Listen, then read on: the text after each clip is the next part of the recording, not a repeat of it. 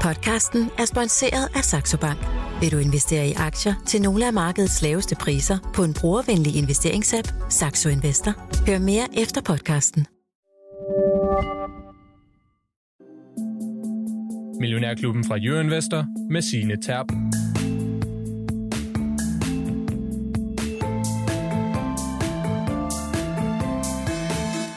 Chips, halvledere og semiconductors. Kært barn har mange navne, og i dag finder vi lupen frem og grænsker de kære små dimser, der sidder i alt fra din brødrester til din bil.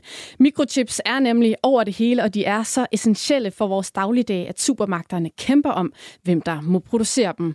Meget mere om den kamp og chipsektoren generelt de næste 54 minutter her i Millionærklubben på en tirsdag sammen med Mads Christiansen, fondsmanager i New Deal Invest, og Anders Bæk, tech-glad privatinvestor og fast porteføljeforvalter her i klubben. Godmorgen og velkommen til begge to. Tak skal du have, Signe.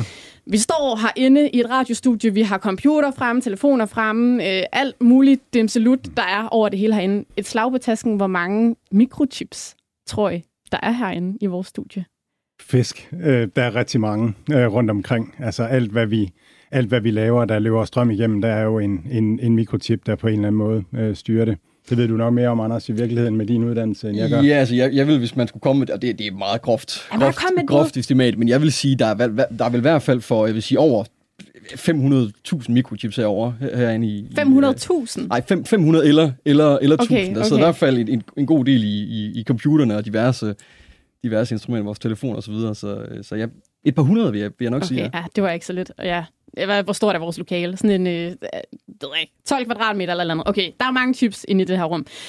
Men en chip er ikke bare en chip. Og Anders, nu kigger jeg på dig, fordi du er civilingeniør. Hvad er det egentlig, en chip gør, eller hvad er det, den kan? Jamen altså, det er jo egentlig et eller andet sted utrolig fascinerende. Øh, og det er jo noget, vi alle sammen tager for givet, når vi, øh, når vi bruger de her, når vi bruger vores computer og vores telefoner. Men, men mikrochippen, det er jo hjernen i vores, øh, i, i vores ja, computer, i vores telefoner, i køleskabet, ah, måske ikke lige køleskabet, men, men i vores opvaskemaskiner, i biler, i flymaskiner osv.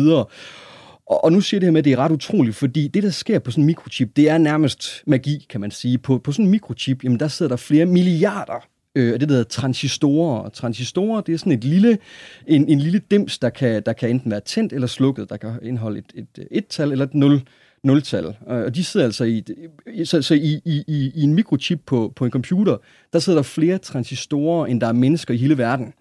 Øh, så, så det er ret i sådan en, en, en gennemsnitlig mikrochip, jamen der kan der snilt sidde 5 milliarder eller 10 milliarder transistorer. Og det er jo altså det, der gør, jo flere transistorer, jamen jo mere avanceret er computeren, jo, øh, eller mikrochippen, øh, jo hurtigere jo hurtigere kører den. Øh, og det er jo, det er jo altså det, der, der ja, for, for, øh, for, jeg skulle til at sige, for verden til at køre rundt, i hvert fald i, i vores digitale, digitale tidsalder. Mm. Så bitte små hjerner af de her mikrochips. Mads Christiansen, hvis vi kigger sådan mod USA, hvor en del af de her selskaber, der har noget med chips at gøre herhjemme, så er vi sådan godt ind i regnskabssæsonen. Jeg tror, det er 25 procent af selskaberne derovre, der har aflagt regnskaber herunder nogle af de her chipselskaber. Kan vi sige noget nu om, sådan, hvordan ser det hele overordnet ud? Det, det, er, det er meget segmenteret. Øhm, tidligere har chipindustrien sådan fuldt øhm, øh, været ret synkroniseret øh, over de forskellige ting. Så har coronaepidemien været her med forsyningskædeproblematikkerne. For et par år siden oplevede vi, at de biler, der blev leveret, de ikke havde de, de mikrochips, som vi havde brug for, og vi ventede på at få bilerne og sådan nogle ting. Så der var, der var stor mangel øh, på det tidspunkt. Øh, der blev også købt en masse PC'er og mobiltelefoner og sådan nogle ting, så alle havde en mobiltelefon. Og derfor så er, er chipindustrien sådan øh, i varierende grad på vej ned i en, i en nedcyklus, eller har været i en nedcyklus.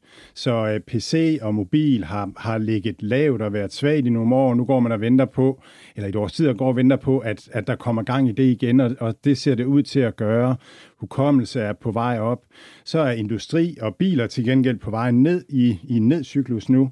Og så har vi jo det sidste år haft øh, AI, øh, som har drevet en stor efterspørgsel i de her øh, øh, grafikkort, altså hvor, hvor chipsene regner øh, parallelt øh, GPU-processorer øh, til AI, øh, som der er høj efterspørgsel på der. Og det er, det er, det er en cyklus der, som er på vej opad, og spørgsmålet er, hvornår at det topper. Det, der kendetegner øh, chipindustrien, øh, det er, at det er cyklisk. Der kommer de her overudbudssituationer og underudbudssituationer, hvor at, at, at industrien er cyklisk. Så det, det er det, vi sådan følger i den her. Og det er, ja, så det er, det er en blandet landhandel i, i bund og grund. Ja, okay. En ja. cyklisk industri. Og en stoledans er det også. En stoledans, og meget mere om den stoledans mm. lidt senere i udsendelsen. Men Anders Bæk, vi skal jo som altid også lige sådan et smut ud på markedet. Hvordan øh, står det til derude? Jamen, øh, nu står jeg lige og kigger på det her, og det øh, synes jeg egentlig starter, starter rigtig fint ud. Det er jo især øh, medicinalaktierne, der, øh, der klarer sig, klarer sig rigtig fint. Så det er Ambu, det er Silan Pharma, det er Genmap, øh, og Ambu har jo især klaret sig godt, fordi på grund af, af hvad hedder det, regnskabstallene, der, der steg, eller slog, slog forventningerne, som, som, øh, som analytikerne og investorerne, investorerne havde. Så, så det øh, startede rigtig, øh, rigtig fint ud. Jeg synes, det, man kan jo lidt, øh, det, det minder mig jo lidt om, om hvad hedder det, SP500-indekset i går, når man, når man sammenligner med, med de amerikanske, øh, amerikanske aktier. De klarer sig også rigtig, øh, rigtig fint at steg med en, en 0,8 øh, procent her i, øh, i går. Så, så, og det, det, det betyder jo også, at vi går, vi går klar til, til den her regnskabsuge, som vi, øh, som vi nu bevæger os ind i. Mm, en fuldstændig afgørende regnskabsuge, der ligesom står på trapperne. Det er 19 procent af selskaberne i øh, S&P 500, der skal lægge regnskab frem. Altså, øh, det gælder også fem af de selskaber, som du har i din øh, portefølje, Anders Bæk. De her Magnificent, ja, det er jo så godt nok Seven, men nu er der så fem af dem, der kommer med regnskab i den her uge. Er det noget, du kommer til at holde øje med? Helt, helt sikkert, helt sikkert. Og det er jeg sikker på, Mads, han er også. Øh, vi, vi tror begge, vi sidder, vi sidder spændt i den her, i den her uge her. Fordi det er jo blandt andet, øh, Øh, det er jo meget relevant i forhold til det program, vi skal til at, til at lave nu her, fordi det er AMD i aften, der kommer med, med regnskab. Det bliver super spændende. Det er Qualcomm, der også, også kommer, som vi også kommer, kommer ind på. Men, men derudover, så er det jo også selskaber som øh, Microsoft og Alphabet i aften, og Meta kommer også med, med, deres, med deres regnskaber. Og jeg vil sige, at jeg sidder især klar til Microsofts regnskab i aften. Det er jo en af mine store positioner i min, øh, i min portefølje.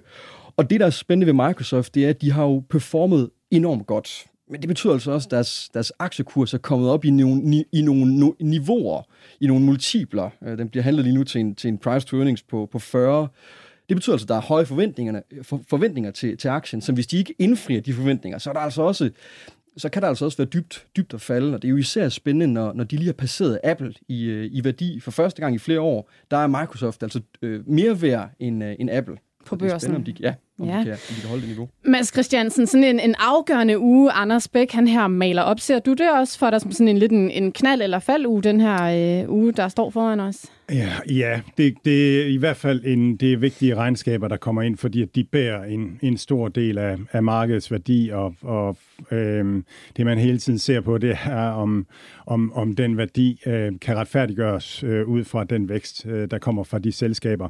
Øhm, nu, øh, tallene, makrotal og sådan noget fra sidste uge har været, øh, har været gode. Øh, inflationen virker som om, den er på vej ned. Der er stærke tal fra, fra amerikansk økonomi og sådan nogle ting. Der er også mange penge på sidelinjen, som skal finde et sted at, at være øh, ned ad vejen. Og, og, øh, og derfor, øh, det, har, det har båret øh, de her virksomheder. Når man sådan ser på, hvis man ser øh, lidt ud på den situation, vi er i nu, der har været så meget snak om det her med Magnificent Seven og, og sådan nogle ting, at koncentrationen i markedet er meget høj. Hvis man går tilbage i historien og ser på, hvornår koncentrationen tidligere var lige så høj, jamen så var den lige så høj tilbage under .com øh, op til år 2000. Øh, og der, der, der, der var koncentrationen nogenlunde den samme. Det var, dengang var det øh, mobil øh, virksomheder, det var netværksvirksomheder, og det var øh, PC-industrien, som var blevet kæmpe store. Øh, og, og det toppede der, og, og det der skete på det tidspunkt, det var, at vi gik fra en teknologisk bærende bølge, som var mikroprocessoren i virkeligheden, som vi taler om nu i dag, og så til, til internettet. Og det var de virksomheder, der egentlig ikke sådan særlig givet til øh, den, nye, øh, den nye teknologiske bølge. Så det var ikke særlig godt øh, i år 2000 gang før, at vi havde lige så høj koncentration, det var helt tilbage i, i 70'erne i, øh, med Nifty 50, øh, hed datidens store tech-virksomheder der. Der var koncentrationen lige så høj. Og, øh, og det var ikke så god en oplevelse heller for investorerne, men egentlig ikke så slemt. Det var Coca-Cola, det var Merckx, øh, det var IBM, øh, det var sådan alle de her masseproduktionsvirksomheder. Der var værdien bare kommet meget højt op, og det var den fordi, at man ligesom havde opbygget sådan en, en idé om, at de her virksomheder var recessionssikre, og, og var, man behøvede bare at købe én virksomhed, så havde man, var man dækket ind for resten af livet og så videre, så behøvede man aldrig mere at tænke over det og sådan nogle ting. Så der var den, den her øh, øh bag, øh, øh, bagspejls øh, viden omkring de her virksomheder, at, at de var sikre øh, investeringer. Og det viser sig også at være gode investeringer på sigt. De har nogenlunde performet ligesom S&P 500, men på den korte bane der, hvor, hvor, hvor den ballon punkterede, der var det ikke særlig godt. Og det er klart, det er det, man, det, er det, man ser ind i nu om det er det samme. Jeg synes, en interessant ting, det er, at dengang, at Nifty 50 øh, bustede, det var IBM, som kom ind i sådan en, en regulatorisk øh, sag, øh, hvor, de, øh, hvor de fik problemer der. Og så forsvandt tilliden til, at at de her virksomheders indtjening kunne holde sig på den højde. Og det, jeg tror, det er det, det, der ligesom også er bekymringen nu. Kan, kan de her virksomheders værdisætning holde, hvis de kun vækster 5-10 øh, procent øh, fremadrettet? Og det, det, det tror jeg er... er Men Mads, ser du en risiko for, at vi lige pludselig skal altså markant ned i aktiemarkedet, hvis du nu, når du står og tegner øh, paralleller til dot-com-boblen og alle mulige dårlige Nej, tider? altså det, der skal gøre, at, at det her, det kommer, at vi om fem år kommer til at se tilbage og, og se, at det ligner dot-com-boblen, det var, at de her virksomheder ikke ligesom har den der AI øh, ting i deres virksomhedsmodeller. Så ligner det dot-com-boblen. Nu kommer der en teknologiskifte, og det, det er klart en bekymring, man skal have, men det er ikke, det er ikke nødvendigvis, altså jeg aner ikke, om det kommer, om, om det bliver. Jeg ved ikke, hvor AI klar de er. Men, øhm, men, men, men hvis det, hvis det, så det er ikke .com, jeg tænker, man skal tænke lige nu. Det er super gode virksomheder, øh, de her store virksomheder, som, som jeg tror rigtig meget på. Jeg tror mere, at man skal overveje, om det ligner Nifty 50. At, at den tillid, der ligesom er i markedet til de her virksomheder fremadrettet, hvis den bliver mindre, så bliver det mere sådan en, en, en flad ting mm. fremadrettet. Helt kort, fordi vi skal altså også lige lidt videre til nogle af de aktier, der rykker sig på den danske hjemmebane. Men Anders Bæk, ser du en risiko for, at øh, vi ryger ned lige om lidt, fordi at der er noget .com-boblende og meget lidt spredning under opsejling? Jeg ser ikke, ikke endnu, øh, lige for at supplere op til det, øh, det Mads siger. Jeg vil sige, den, det er ikke umuligt, at vi kommer ind i en, en decideret AI-boble her over de, de næste par år, men der er vi ikke endnu. Og den primære grund til, efter min mening, at vi ikke er der, det er, når vi kigger på, på multiplerne, price to earnings. Altså under .com-boblen, boblen, der, kom, øh, der mener jeg, at Nasdaq-indekset kom op og, og traded i en gennemsnitlig øh, price to earnings på plus 200, så det var sådan nogle helt massive værdisætninger. Kilopriserne stak fuldstændig af. Og når vi kigger på Magnificent 7, der er den gennemsnitlige price to earnings, den ligger altså på de her 30-40. Apple har, en, på, har en, øh, en price to earnings på 30, Microsoft en på, på, på 40, øh, Nvidia har en på 80. Det er selvfølgelig lidt højt, men vi er ikke der endnu, hvor at, at, øh, at, at der er en boble, der vil springe. Det kan godt være, at vi kommer der, men det er jo i hvert fald det er jo også derfor, det er vigtigt, at man holder, man holder øje, øje med det. Altid holde øje med sine investeringer, det må være det gode budskab herfra. Noget andet, der også er værd at holde øje med her til morgen, det er som sagt Ambu, som var inde på lidt tidligere. De har været ude med regnskabstal. Der begynder at være sådan lidt spekulationer om, okay, det kan være, der ligger en opjustering i kortene. Det er i hvert fald Per Hansen fra Nordnet, der spekulerer lidt i det. Hvis man har Christian Hansen-aktier, så er det også sidste dag, man kan handle dem på børsen. De rører nemlig øh, af børsen ja, efter luk i dag, og så er der altså en stor fusion i gang der med Novozymes. Det bliver til Novonesis. Og så skal vi også lige forbi FL Schmidt, Anders Bæk, fordi de var ude med noget nyt i går aftes, der handler om, at de måske vil frasælge en del af forretningen. Hvad handler det lige om? Jamen, øh, hvad hedder det? De har været ude og, og, og fortælle, at de gerne vil... vil øh, altså, de har, jo, de har jo to primære forretnings, forretningsmodeller øh, i forhold til mining og i forhold til deres, deres cement-forretningsdel. Øh, og de vil altså gerne skille den her cementdel ud fra deres, fra deres selskab. Og det ser altså ud til... Så det, så det betyder altså også, de har ikke øh, de har ikke fundet en køber endnu. Det er stadigvæk bare på, på lige forskningsstadiet. Altså, de vil lige se, om der er nogen, nogen der har lyst til at, til at købe det, men, men, øh, men, men markedet har i hvert fald taget positivt, positivt imod, imod nyheden, og, og den er op, op med et par, par procent. Mm. Så det er spændende at se, hvordan, hvordan det, det kommer til at, at gå. 4,5 procent af FL Schmidt oppe med på min skærm, og det er altså tirsdag her i Millionærklubben, hvor det skal handle om mikrochips. Og hvis du har spørgsmål til mine gæster, det er Mads Christiansen og Anders Bæk, så er telefonen som altid åben. Du skal bare sende en sms på 42 42 03 21 og starte den med Mio, så lander den ind hos mig, og jeg kan sende den direkte over til dem. Der er bitte små hjerner i al vores elektronik, det er chips, og de er langt mere kraftfulde, end de ser ud. De danner grobund for det moderne samfund. Nogle af dem baner sågar vejen for kunstig intelligens, men de små chips har altså også resulteret i dårlig stemning mellem verdens to supermagter, USA og Kina. Hvad er potentialet for sektoren, og hvilke selskaber befinder sig i hele den arena? Det skal vi altså blive lidt klogere på nu. Mads Christiansen, hvis vi starter sådan totalt fra toppen. De her chips, de er fuldstændig essentielle, det lyder det sådan set alle steder fra, det siger du også selv. Hvorfor, hvorfor er de det, og hvad er potentialet for den sektor?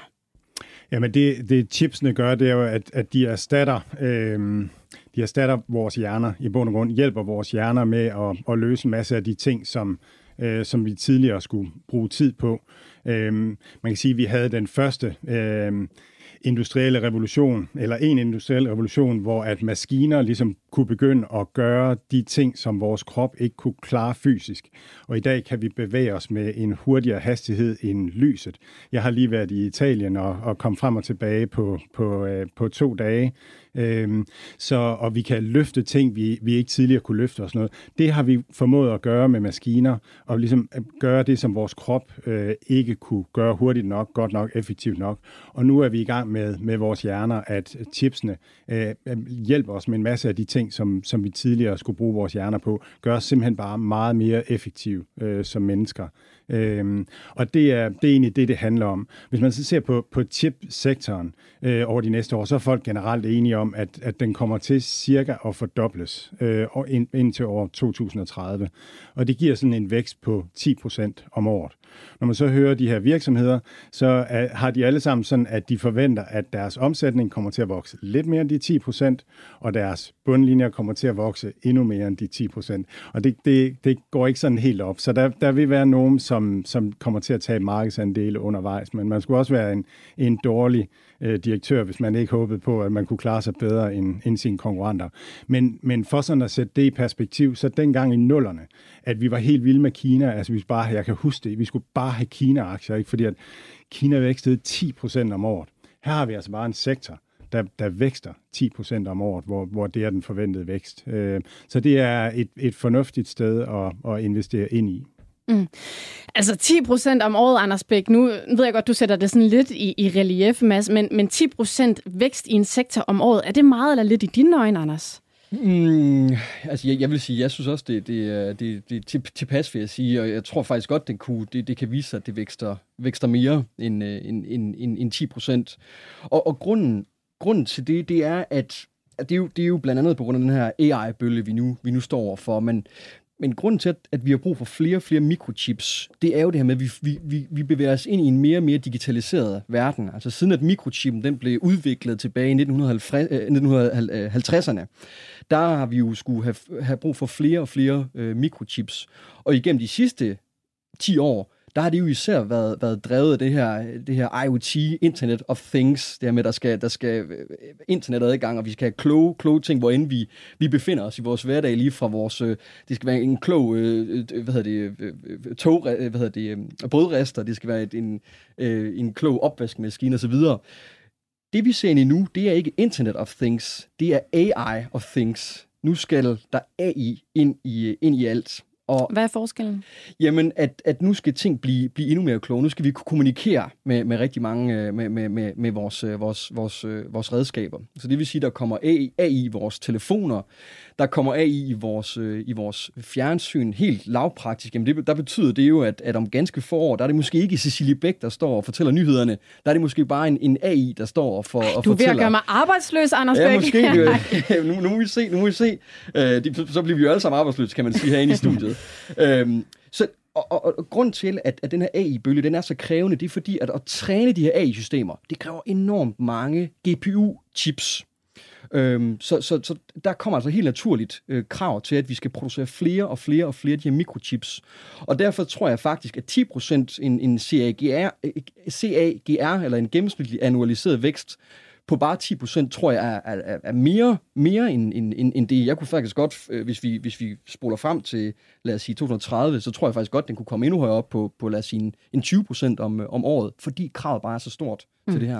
Vi vil alle sammen have flere chips, og det lyder jo meget sådan lyserødt og lovende, Mads Christiansen, når vi snakker om det sådan her, men, men der er vel også altså noget, der trækker i en eller anden retning, fordi vil vi bare købe ind med arm og ben i den her sektor, når du selv er inde i, at det er noget, der er lidt cyklisk og uha, der er også noget lidt sådan ulmen rundt omkring. Er det så lyserødt, den her sektor? Jeg, jeg tror, altså hvis man, hvis man går bredt til værks, så, øh, så, så er det generelt øh, lyserødt, øh, vil jeg mene. Øh, men men det, det er jo heller ikke noget, som øh, kommer bag på folk. Altså det, at det her, det er en elgammel sektor, og den er vækstet meget, og, og så videre. Vi har set... Øh, der, der, vi har set, der er nok mere FOMO i markedet nu, end, end, der, er, end der er pessimisme. Øh, og så skal man passe på, øh, fordi det er... Øh, Ja, altså prissætningen er, er kørt højt op. Nu, nu taler jeg om, at memory sådan er, er kommet godt tilbage. En, en virksomhed, som, som er sådan meget memory-eksponeret, er, er en virksomhed, der hedder Lam Research. Og jeg tror, den er steget 80 procent det sidste år, selvom at den stadigvæk ikke rigtig viser vækst på bundlinjen. Simpelthen fordi folk køber ind på, at, at væksten kommer. Så det er bestemt ikke noget, der kommer bag på markedet. Så jeg vil ikke hoppe i med, med begge ben nu og så sige, at det her det, det ser bare mega godt ud øh, fremadrettet. Men, men det er mere sådan en Øhm, øhm, hvis man kommer fem år frem og ikke er investeret i chipsektoren, det, det virker også dumt. Det virker ja. dumt ikke ja. at have penge i chips. Okay, men lad mig lige prøve sådan, og, og nu er I begge sådan lidt nu, jeg føler, I er sådan nogle sælgere for det her øh, chipsmarked, det ved jeg godt, det er I selvfølgelig ikke helt, I har bare jeres argumenter i orden. Men når man læser lidt op på det her område, så er der jo også noget med en, altså sådan lidt en chipkrig, der blandt andet er mellem altså USA og Kina, så er det sådan noget med, så må øh, USA ikke sælge øh, udstyr, der kan bruges til at producere det i Kina, og så må Kina ikke eksportere øh, mineraler den anden vej. Altså Mads Christiansen, kan det ikke også have en indflydelse på hele det her marked, at vi har to kæmpe store supermarkeder, der, supermarkeder, supermagter, der står og skændes over det her. Jo, det har det, og det, det, det kan også have betydning på prissætninger. Det er noget af det, der gør det svært at, at følge, fordi det der, har været, det, der har været sket de sidste par år, det er, at Kina har købt sindssygt meget produktionsmateriale op. Så de her virksomheder, der leverer øh, produktionsmateriale til chipindustrien, altså Fabulous 5, ASML, øh, Applied Materials, øh, Lam Research, KLAC og, øh, og Tokyo Electron, jamen, de har solgt en masse maskiner til kineserne, som har hamstret, fordi de ved godt, at de får ikke lov at købe de her maskiner fremadrettet. Og det ser vi helt klart som en, en ting, man skal holde øje med, og en potentiel risiko. Så kan man sige, at at der bliver også efterspørgsel uden for verden, men, men, men Kina har forøget deres produktionskapacitet vældig meget lige nu, og det vil alt andet lige kunne gøre, at vi får måske ikke, at det vil kunne påvirke den her cyklicitet, sådan at, at udbuddet bliver større de næste par år, fordi kineserne er bedre med produktionsmæssigt, fordi de har hamstret maskiner. Mm. Kineserne er bedre med produktionsmæssigt. Anders Bæk, øh, der er sådan set vel kun to lande, der jo faktisk er sådan kæmpe store inden for det her område. Altså hvis vi maler det skarpt op. USA, Kina, Ja, man kan sige i hvert fald den vestlige verden mod, mod, øh, ja, mod, mod, mod Kina, fordi øh, Sydkorea er jo også, er jo også rigtig fint med, på grund af, at de har, at de har Samsung. Men, men, øh, men der er ingen tvivl om, at, at hele den her Kina, potentielle Kina-krise, eller, eller hvad kan man, man kan kalde den Kina-Taiwan-krise, det er elefanten i rummet. Det er, det er, det, det er der, den store risiko ligger, og, og det er det, man skal være opmærksom på, hvis man eksempelvis investerer ind i, i TSMC, Altså Taiwan, de, de står jo for langt, langt over 50 procent af den samlede verdensproduktion af mikrochips.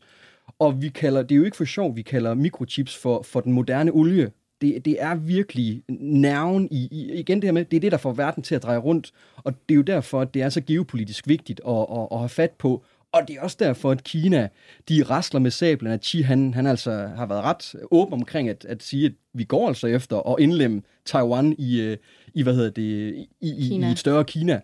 Og, og nu ved jeg ved, hvis Lav han stod her nu, så vil han ikke se det her som en så stor trussel. Og jeg lytter rigtig meget til, altid til Lav, men lige her er vi lidt uenige, fordi jeg ser det rent faktisk som en ret så stor risiko, at, at Kina, lige så vel som at man vil have sagt, at for Rusland at gå ind i, i Ukraine, ah, det kan de slet ikke finde på. Men det gjorde de altså. Og på samme måde tror jeg, at vi skal se, den, altså, at, at det kan sagtens ske, at Kina de, de vælger at, at gøre det. Og det er altså, fordi de har så stort et incitament på grund af den her mikrochip-industri.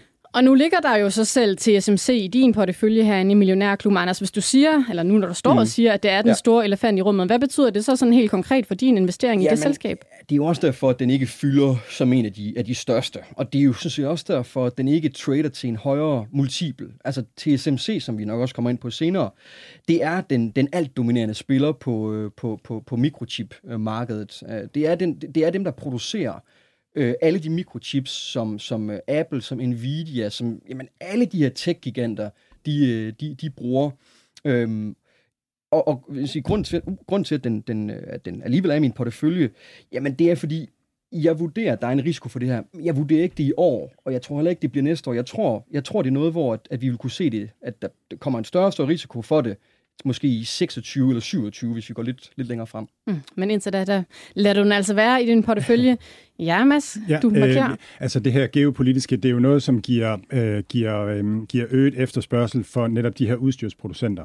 Altså fordi vi skal have, nu er der subsidier fra USA til at etablere øh, produktion i, øh, i USA, og Intel... Øh, Intel, øh, går, altså, Intel er i gang med at indhente øh, TSMC øh, på, på, øh, på det her med at, at have den ledende knude øh, eller transistor, eller hvad det nu hedder på dansk. Øh, og, og, og det er blandt andet regeringsbakket. Øh, altså, øh, så alle lande vil rigtig gerne have chipproduktion hjem til dem selv, simpelthen fordi det er strategisk, at man skal kunne producere det.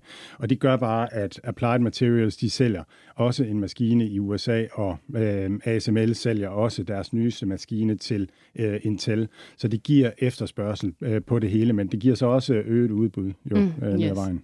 Og det er altså USA, der har sat øh, 52,7 milliarder dollar af til ligesom at få en øh, mikrochipsproduktion op i landet. Men bare lige, det, det er så sjovt et fun fact, at, at TSMC's øh, årlige capex, altså deres øh, udviklingsomkostninger øh, og til at bygge nye fabrikker, det ligger på omkring 44 til 50 øh, milliarder US dollars. Det vil sige, det er sam, det samme som hele den pakke, USA kommer med over en 4-5 år. Så det er, og det er det, der ligesom er voldgraven for den her industri, det er, at det er så sindssygt dyrt at bevæge sig ind i og, og konkurrere. Mm.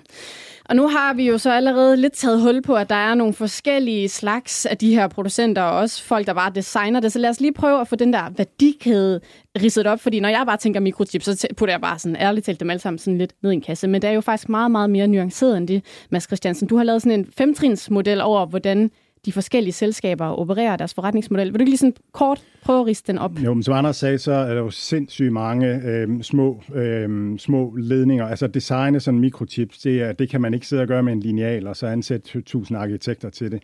Det skal du have noget software, som gør. Øhm, og, og der er nogle virksomheder, som hedder EDA, uh, øh, Electronics Design Automation, og der er to dominerende virksomheder, og så har Siemens også en, en, en lille virksomhed. Det er Synopsys og Cadence. Det er fantastiske virksomheder, og de sidder, på, de sidder fast der, og de har noget software as a service, som de her virksomheder bare har brug for, og de er også vildt dyre øh, af, af den grund. De kommer formentlig til at vokse lidt mere end chipmarkedet, og, og er sådan en, en, en fin sted at være, men en ikke billigt, og ikke noget, der kommer bag på nogen, at, at det er gode virksomheder. Så kan man også vælge, i stedet for at designe sin chip forfra, så kan det være, at der er nogle ting, som man bare skal have på sin chip, at der skal være en USB-funktion eller nogle andre funktioner, og der kan man købe IP direkte, at så, så lægger man det i, altså intellectual property. Så der er nogen, som har nogle, nogle designs, som virker. Og en af dem, man sådan hører meget om lige nu, det er jo ARM, øh, den her øh, britiske øh, virksomhed, som, som har det her nye chip-design. Øh, nej, nyt er det ikke, det er gammelt. Øh, men, men, øh, men, men hvor hele verden har kørt på Intels og AMD's, det der hedder x86 standard, jamen så kommer verden nok måske til at køre på ARM-chips. Det er i hvert fald en af de trends, vi ser i chipsektoren, at man skifter over til ARMs design øh, generelt. Så der er de her IP-holdere, øh, som, som, som egentlig bare lever af, at folk køber ret til at bruge deres design på den funktionalitet, der er. Når så chippen er designet, så, øh, så skal den ned på øh, så skal den ned på waferen. Øh, den skal aftegnes, og der har vi så øh, ASML som som gør det, og vi har de andre øh, øh, af de her øh, Fabulous Five virksomheder, som jeg nævnte før, som leverer maskinerne til det her. Det er en sindssygt kompliceret proces. Det er magi, som Anders øh, fortalte. Man bygger nærmest et højhus på sådan en, en tynd øh, skive af, af, af forskellige deponeringer, som man lægger på. Øhm, så der skal leveres de her maskiner ind til det, og der er nogle virksomheder, som laver, øhm, som laver de her øhm, chips, og der er nogle, der, der er nogle virksomheder, som både laver chips og designer chips. Det er Intel, stort set som den eneste. Og så er der nogen, som vi kalder fabless designers. Øh, det er Nvidia, det er AMD, øh, det er Qualcomm, det er Broadcom øh, og de her virksomheder. Så de designer chipsene, og så får de dem lavet hos øhm, de virksomheder, som så design, eller som producerer, og der er det TSMC. Øhm, Global Foundries, som blev spændt fra AMD, er, er også en, og der er nogle forskellige øh, af fabrikker, som, som laver den. Så det er sådan værdikæden, man kan, man kan investere ind ned igennem. Mm. Hvis vi tager... Oh, ja. Det, det er bare for at give et, et øh, hvad hedder det, ja, det er, jo, det er jo helt rigtigt, det, det Mads siger. Måden, måden, det billede, jeg nogle gange øh, tror, man, ja, man så måske også, også for, for at forstå den her værdikæde af det, man kan jo kalde alle de her mikro, mikrochip-selskaber, kan man jo kalde infrastrukturaktier. Og hvis man skal forstå det, så, så, så man kan sige, de ligger den togbane, som de store tech-giganter som Apple og Microsoft osv., de benytter. Og den togbane, der er der forskellige, der er forskellige processer øh, til, til at, at udvikle den. Der er nogen, der designer den. Det er det, der hedder fabless firmaer. Det kan være, det er, som jeg siger, Nvidia og, og øh, Qualcomm, Broadcom osv. Der er dem, der producerer dem. Det er det, der hedder foundry firmaer. Øh, det er ja, TSMC. Der er dem, der udvikler udstyr til at producere det, det er for eksempel ASML, og så er der det, der, der hedder EDA-firmaer. Det, de, laver, øh, de laver den software, som designerne benytter. Mm. Det var bare, ja, lige for at supplere op, mm. for lige for at give et billede øh, af Så det. der er altså mange sådan steder, man ligesom kan hoppe ned og investere ind i den her værdikæde. Og Anders, et sted, du jo så har investeret ind i, i hvert fald i din millionærklubben-portefølje, det er en udstyrsproducent i Holland. Mm. Det er ASML. De var ude med regnskab i sidste uge, slog forventningerne til top. Og bundlinje, men de forventer ikke et salg der sådan rigtig stiger Nej. i år. Altså, hvorfor har den fået lov til at forblive i din portefølje? Jamen, jeg kan rigtig godt lide de her selskaber, som har et, et monopol, som sidder rigtig, rigtig tungt i deres, i deres industri, og det må man bare sige, at det gør ASML. A- ASML, de, øh, som sagt, de producerer det udstyr, som eksempelvis TSMC de, øh, de benytter til at, at udvikle mikrochips. De udvikler det, der hedder litografi-maskiner, og lito, litografimaskiner, det er det, man, det, det, det, er det maskineri, man bruger til at... Det er meget, noget meget skarpt lys, som man bruger til at lave indprintning i de her, i de her mikrochips. Og det er jo altså, hvor man skal ned og manipulere med lysstråler på, på nanometer-niveau. Så det er meget, meget øh, meget, meget, meget avancerede teknologier. De har brugt mange årtier på at udvikle deres, deres teknologi. ASML's to primære produkter, de har to forskellige maskintyper. De har det, der hedder DUV, det står for Deep Ultraviolet Litografi Maskiner. Og så har de det, der hedder EUV, Ekstrem, Extreme Ultraviolet. Og, og den sidste her, det er dem, som de har monopol på. Der er ikke andre, der kan, der kan lave maskiner, der er så, der er så, øh, så præcise som, øh, som det, hvorimod øh, i deres, øh, på deres DUV-maskiner, der er der også andre konkurrenter, som, som Canon og, øh, og, hvad hedder det, og andre, øh, andre selskaber. Men, men, men her i de mest avancerede, der er det kun dem, der, der, der sidder på, på, på, hvad hedder det, på, på industrien. Og det er derfor, den har fået lov at blive, øh, selvom at, at ja, at, at de har en lidt flad forventning til, til i år, så, så ser jeg dem stadig stå rigtig stærkt langsigtet. Mm. Mads Christiansen, det her med, at sådan nogen som ASML har sådan en lidt flad forventning til i år, jeg tror, at top, topchefen mm. han har været ude at sige, men i 2025, der kommer vi til at vækste ordentligt igen. Sådan en signifikant vækst, har han været ude at sige. Hvorfor er det, vi ser de her opbremsninger? Jamen, det har tidligere altid været, været cyklisk. Øh, for, for ASML er det mindre cyklisk nu, øh, fordi at, at de, er, de har den her monopol-lignende tilstand, og det er... Øh, det er det, er, det, er det her øh, ekstrem ultraviolet øh, teknologi, som skal til for at lave de her øh, nyeste knuder. Bare lige for at, at, at illustrere øh, og give et billede af, at det her det er magi, så, øh, så almindelig lys og ultraviolet lys, det, det er for langt, det er for bredt, og det er for stort at bruge til det her. Så man er nødt til at lave ekstrem ultraviolet lys. Den måde, man laver det på, det er, at man, man drøber en lille dråbe tin, eller en, lille, en tindråbe, der er mindre end støvkorn. Det drøber man afsted. Så rammer man det først med en laser for at gøre det fladt. Så rammer man det med en laser for at gøre det til plasma som har en temperatur, der er fire gange større end solens overflade, så udsender den det her ekstrem ultraviolette lys. Se, det lyder ret fantastisk. Når man så siger, at den maskine der, den gør det 50.000 gange i sekundet, så bliver det sådan helt øh, svimlende, så forstår man, at det er magi. Det her ekstrem ultraviolette lys, det bliver absorberet i en linse, så du kan ikke bruge en linse til det. Så du bruger sådan nogle meget avancerede spejle, som skal være sindssygt øh, plane.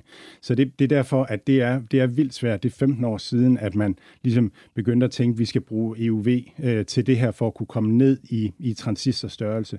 Og, og det er man først, ja, det, det er man først kommet i gang med her for et, et par år siden. Og den næste generation af maskinen er så leveret til Intel nu, som, som kommer med.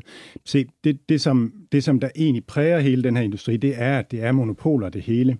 Øh, det her EUV, øh, eller, eller øh, ja, litografi, det, ud, det, det der er sket, det er, at det udgør en større del af, af den af, af, af omkostningen, af den totale omkostning i værdikæden. Og når det stiger nogle procent, så betyder det rigtig meget for sådan en virksomhed. Og det, det tror jeg, man skal, Altså, det, det, det, det vil altid variere, hvad det er. Der vil være nye teknologier, hvor det er andre ting og sådan nogle ting. Så der, der er mange monopoler inden for det her. Applied Materials har monopoler på 3% og 5% og så videre på nogle forskellige teknologier.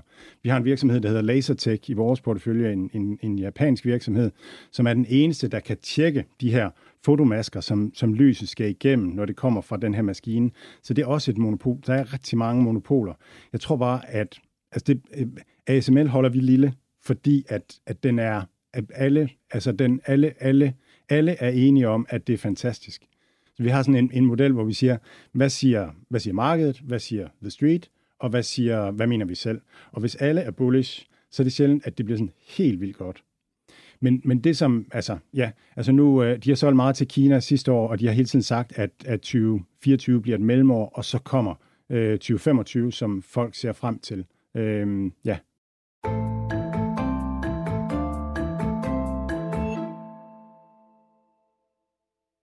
Vi ved ikke, hvor meget din virksomhedstid, der går til indkøb til møder og frokost. Men vi ved, at det er tid, du ikke får igen. Hvis du lader nemlig erhverv stå for indkøbene, så får du mere tid til det, der betyder noget. Det kan vi vist alle bruge. Nemlig også til erhverv.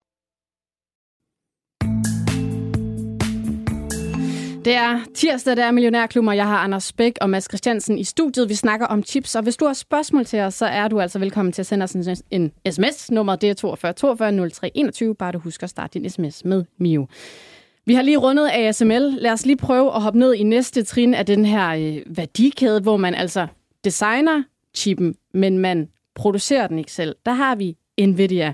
Og Anders Bæk, det var virkelig sådan en aktie, der er løbet stærkt på alle mulige måder, siden vi begyndte at snakke om AI. Prøv lige at forklare, hvad er deres sådan grundlæggende forretningsmodel egentlig? Ja, fordi Nvidia, det, ja, de står jo, står jo rigtig stærkt i, i AI-industrien. Det, man skal forstå om Nvidia, det er, at de udvikler, udvikler ikke selv deres nogle AI-systemer. Så det, man ser altså ikke nogen chat-GBT-konkurrent fra, fra dem. Men derimod, så, så laver de de AI-computere, de AI-træningscomputere, som andre AI-udviklere, de benytter. Og det er jo tilbage til det her med, at det er så computerkrævende, så, så øh, det, det kræver så meget computerkraft at træne de her, øh, de her AI-systemer. Det kræver både øh, computerkraft til at, at træne dem, men det kræver også computerkraft til at, at generere svarene, det der hedder inference øh, som vi nok også kommer ind på, øh, på lidt senere. Og der var Nvidia rigtig, rigtig kloge. Øh, de var meget langsigtede, og, og de forudså for øh, tilbage i 2014, altså længe, længe før den her øh, AI-hype, som vi ser nu, der forudså de, at, øh, at det, der hedder altså GPU'er, Graphic Processing Units, at de, de ville blive gode til at træne AI-systemer på, fordi Nvidia, hvis man spørger en tilfældig øh, person på gaden, så vil man sige, at Nvidia er kendt for deres grafikkort til, til, til at spille computerspil på. Mm. Men det er altså vist sig, at de her GPU'er, der bruges til at køre computergrafik på, de er altså lige så gode til at træne AI-systemer på. Og det er sådan lidt groft, øh, groft sagt, så er det derfor, at Nvidia de står så stærkt øh, i AI-industrien nu. Mm. Når man sådan lige kigger overfladisk på deres regnskab, så ser det jo altså flot ud. Deres omsætning i tredje kvartal var op med over 200 procent i forhold til samme kvartal mm. året inden. Ja. Men altså, aktiekursen er jo også virkelig fuldt godt med op. De er steget næsten 240 procent i 2023. Ja. Altså kan de godt holde den her kadence, Det er jo det, der bliver spændende at se, og derfor jeg også, de, de udgiver øh, fjerde kvartalsregnskab her lidt senere i, i februar måned, så det er, jo, det er jo noget, der bliver rigtig, rigtig spændende at se, for når der er så højt at flyve, så er der altså også dybt, dybt at falde. Jeg vil sige, det der, det der er, og, og det der er ved at nævne, det er, at det er rigtigt. De er, de er jo steget massivt og de var i, sidste år var de på et tidspunkt op og, og, og sælge i nogle multipler, en price to earnings på plus, øh, plus 120. Det er jo meget, meget højt kiloprisen, altså, så det er altså en meget, meget dyr, dyr aktie. Men, men deres, øh, deres øh, bundlinje, den fulgte altså med, så den blev, de, de har formået væksten så meget, så, så deres price to earnings nu ligger i en, i en, en price to earnings på 80. Det er stadig højt, øh, men, men vi får se, hvor, hvor, hvor, hvor, hvor meget de har vækstet. Øh, jeg vil sige, altså vækstudsigterne for, for i år ser, ser rigtig, rigtig fine ud, så jeg tror stadig, de har en god, øh, god vækst i vente fremadrettet. Nvidia med en price to earnings på 80, Mads Christiansen, fylder den noget ude hos uh, New Deal Invest? Vi har Nvidia. Altså, øh, den fejl, alle har lavet med Amazon igennem tiden, det er at sælge Amazon. Øh, det, det er svært at sige. Øh, så, så vi har en Nvidia-position. Vi har ikke, øh, vi, der er nogle andre aktier, som vi bedre kan lide øh, end Nvidia. Øhm, også, også med hensyn til, til AI-eksponering. Og det er det her med cykliciteten, jeg kaldte det en støvledans, eller en stoledans, at, at, at, øhm, at på et eller andet tidspunkt, så kommer ned cyklusen, og det er ikke, øh, det, det er svært øh, at, at, at vide, hvornår. Og jeg tror ikke, det bliver i 20, 2024, men markedet er altid øh, et, et vist stykke tid foran. Og så med chipsektoren her, det er lidt sjovere at investere ned omkring, hvor, hvor bunden er. Øh, og en af de ting, der har været på vej frem, det har været memory. Øhm, og hvis man, hvis man sidste år, da Nvidia havde taget hugget, investeret i Micron, for eksempel, som er en memory-aktie, så tror jeg, man har fået nogenlunde det samme afkast øh, derfra. Så bare helt kort, Mads Christiansen, hvor er det, du synes, der er mest spændende at investere hen i den her værdikæde lige nu? Jamen, altså, øh, hvor, hvor øh, i de der Fabulous Five, der, der kan vi rigtig godt lide Lame Research, øh, og øh, vi kan godt lide øh, KLAC. Øh, noget af det, der kommer til at ske, det er, at chipsene ændrer størrelse og bliver pakket på en anden måde. Øhm, og, og der er Lam Research øh, med frem. Lam Research er meget eksponeret for memory, som er, er på vej op.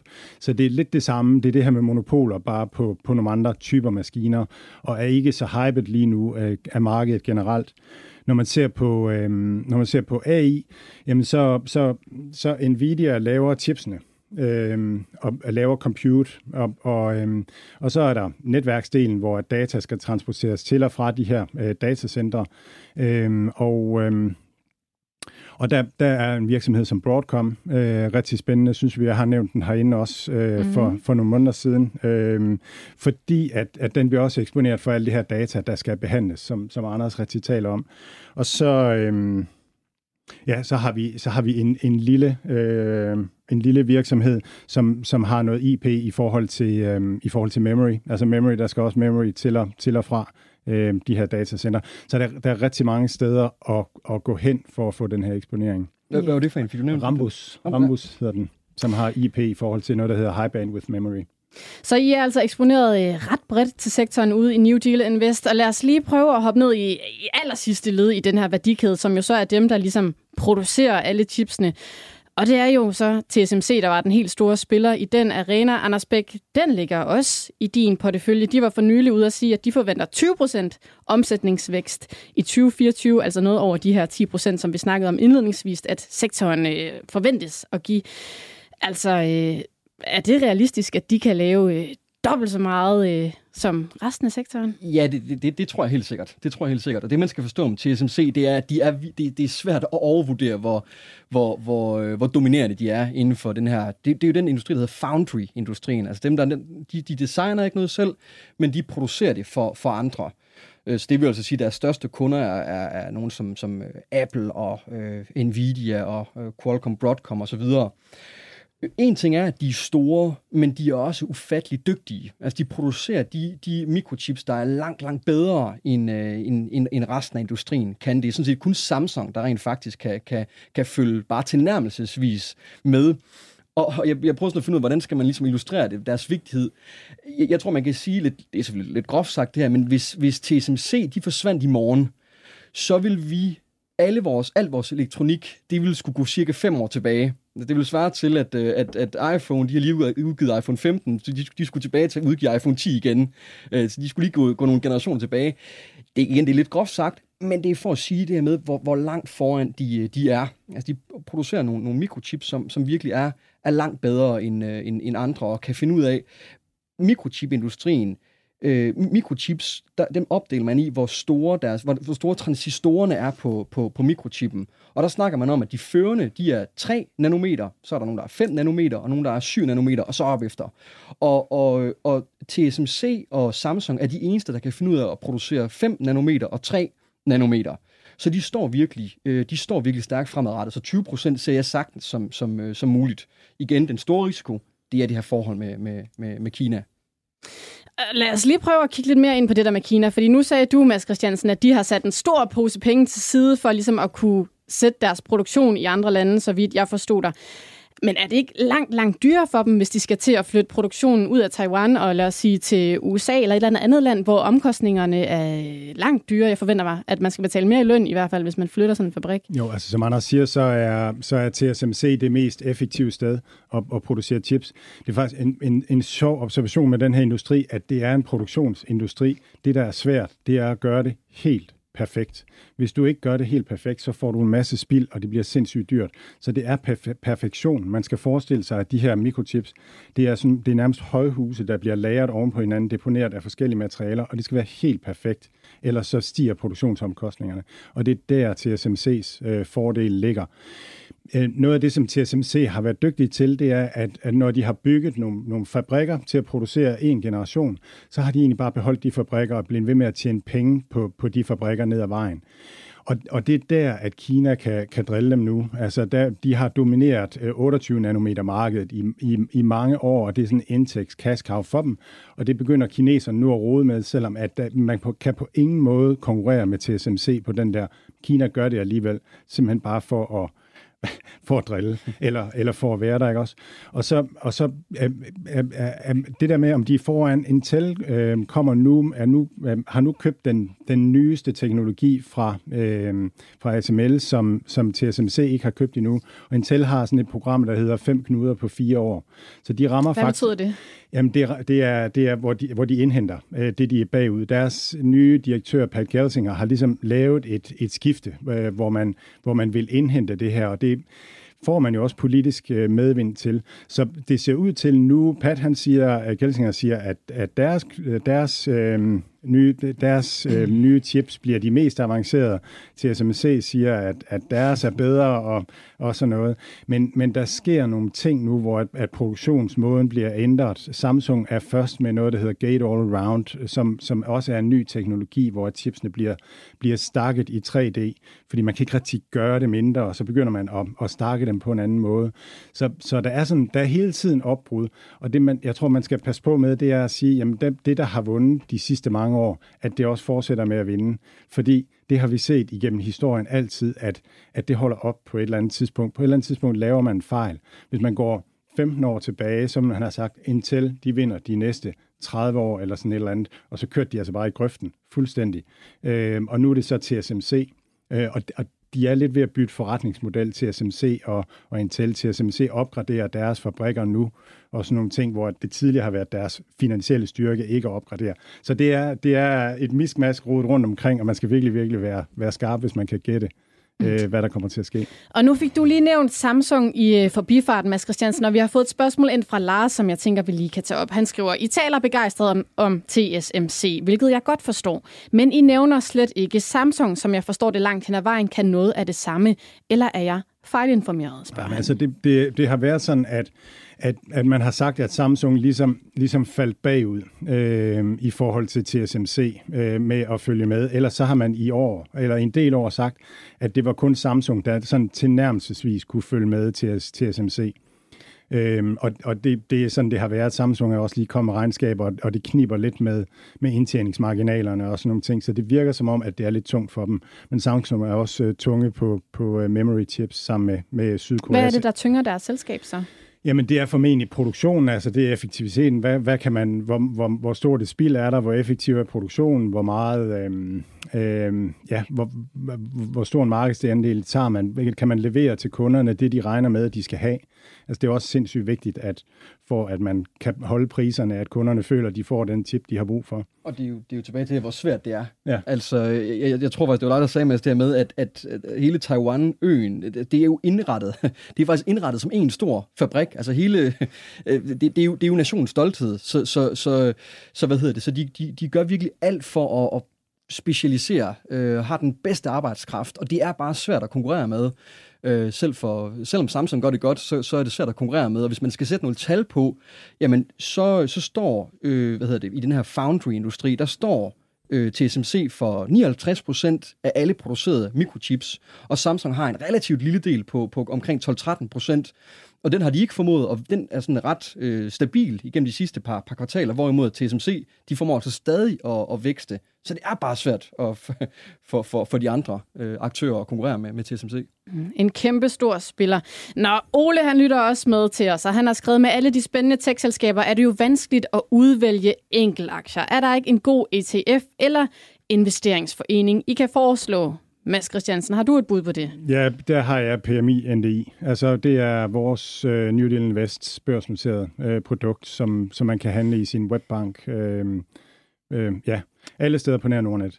Øh, og øh, jamen, der, der har vi en bred portefølje på på 120 tech-selskaber af det, vi kalder best of breed tech-selskaber, det vil sige dem, der har den bedste øh, teknologi så vægter vi dem aktivt, hvis det er sådan, at vi synes, at de er overvægtede, hvis vi synes, at alle er for enige om, at de her virksomheder er, er det nye, øh, øh, ja, det nye, det nye sort, hvad siger man, det nye blå, så, så, så, så har vi en, en mindre vægt af dem, mens de, de virksomheder, som vi synes er, er overset af markedet i forhold til deres øh, produkt, dem overvægter vi. For eksempel kan vi godt lide Mac Computer og tror, at, at det kommer tilbage, og en god måde at blive eksponeret på det på, det er en, en virksomhed, som hedder Jamf, som administrerer Mac øh, Mac-computer for virksomheder, øh, og det har været en, en hård tid, fordi at der har været så mange tech-fyringer igennem tiden, så, så den er upopulær i markedet lige nu, og en god eksponering for, øh, for Mac-PC'er. Øh, så det, det råder vi efter at finde de øh, bedste eksponeringer. Mm. Øh. Og hvis man så er mere, jeg forstår godt, du nævner øh, New Deal Invest, Mads, det havde jeg også gjort, hvis jeg var dig, men hvis man nu er mere til sådan en øh, passiv øh, investering, kan man så gå ind på noget ETF i det her område? Der er en, øh, der er en ETF, der hedder SOX, øh, SOXX, som er chipsektor øh, ETF. Ja. Så der kan man også gå ind. Ja. Yes. Vi har også øh, fået et andet spørgsmål ind, og det er også en aktie, vi sådan lige fik nævnt lidt i, øh, i overflyvningen. I januar 2024, der blev ARM Holding nævnt i Millionærklubben af fondchef i New Deal Invest. De har rettigheder til energieffektive mikrochips til telefoner. Er der gode fremtidsudsigter? Og det er altså Arm Holdings, det her britiske selskab, der gik på børsen sidste år, så vidt jeg husker. Ja. Mads Christiansen, det må være dig, der har nævnt den. Hvad tænker du? Ja, men det er, det er, den vokser øh, på mig. Jeg tror, verden skifter fra, fra det, man kalder x86-standarden til øh, ARM-standarden nu. Jeg hørte et interview for nylig med ARMs øh, CEO, hvor han fortæller om, at at man fra ARMs side begynder at, at bygge mere øh, på deres IP, sådan at, øh, altså sådan at den bliver mere komplet, øh, og sådan at den er nemmere at, at integrere. Det vil sige, at når du skal designe en ARM-computer, så skal du designe en masse integrationer til det.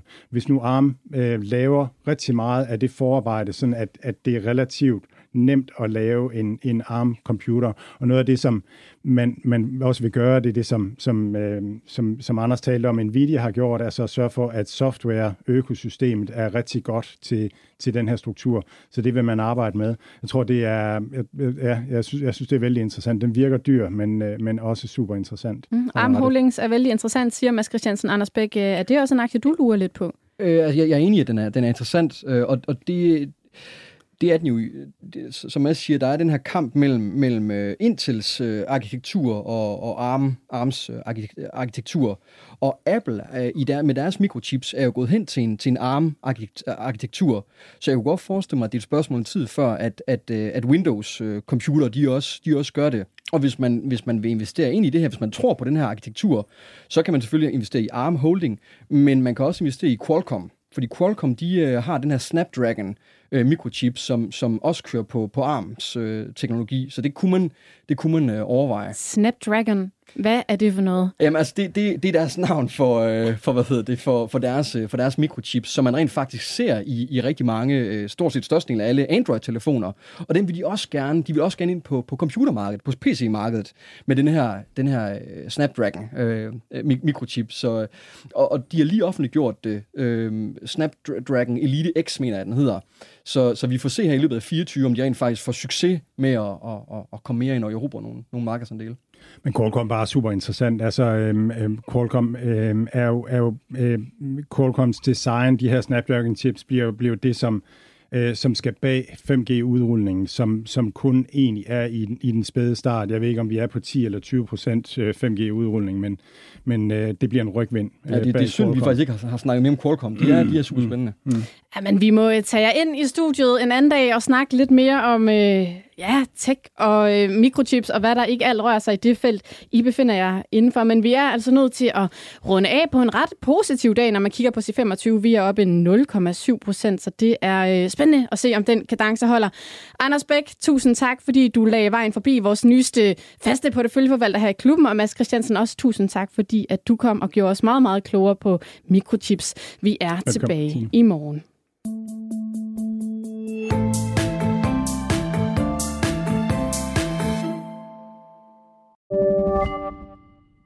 Podcasten er sponsoreret af Saxo Bank. På Saxo kan du få glæde af vores lave priser, hvor du blandt andet kan investere i dine danske og nordiske favoritaktier for kun 10 kroner i minimumskortage. På den måde kan du beholde mere af dit afkast til dig selv. Opret en gratis investeringskonto på saxobank.dk og kom godt i gang med at investere.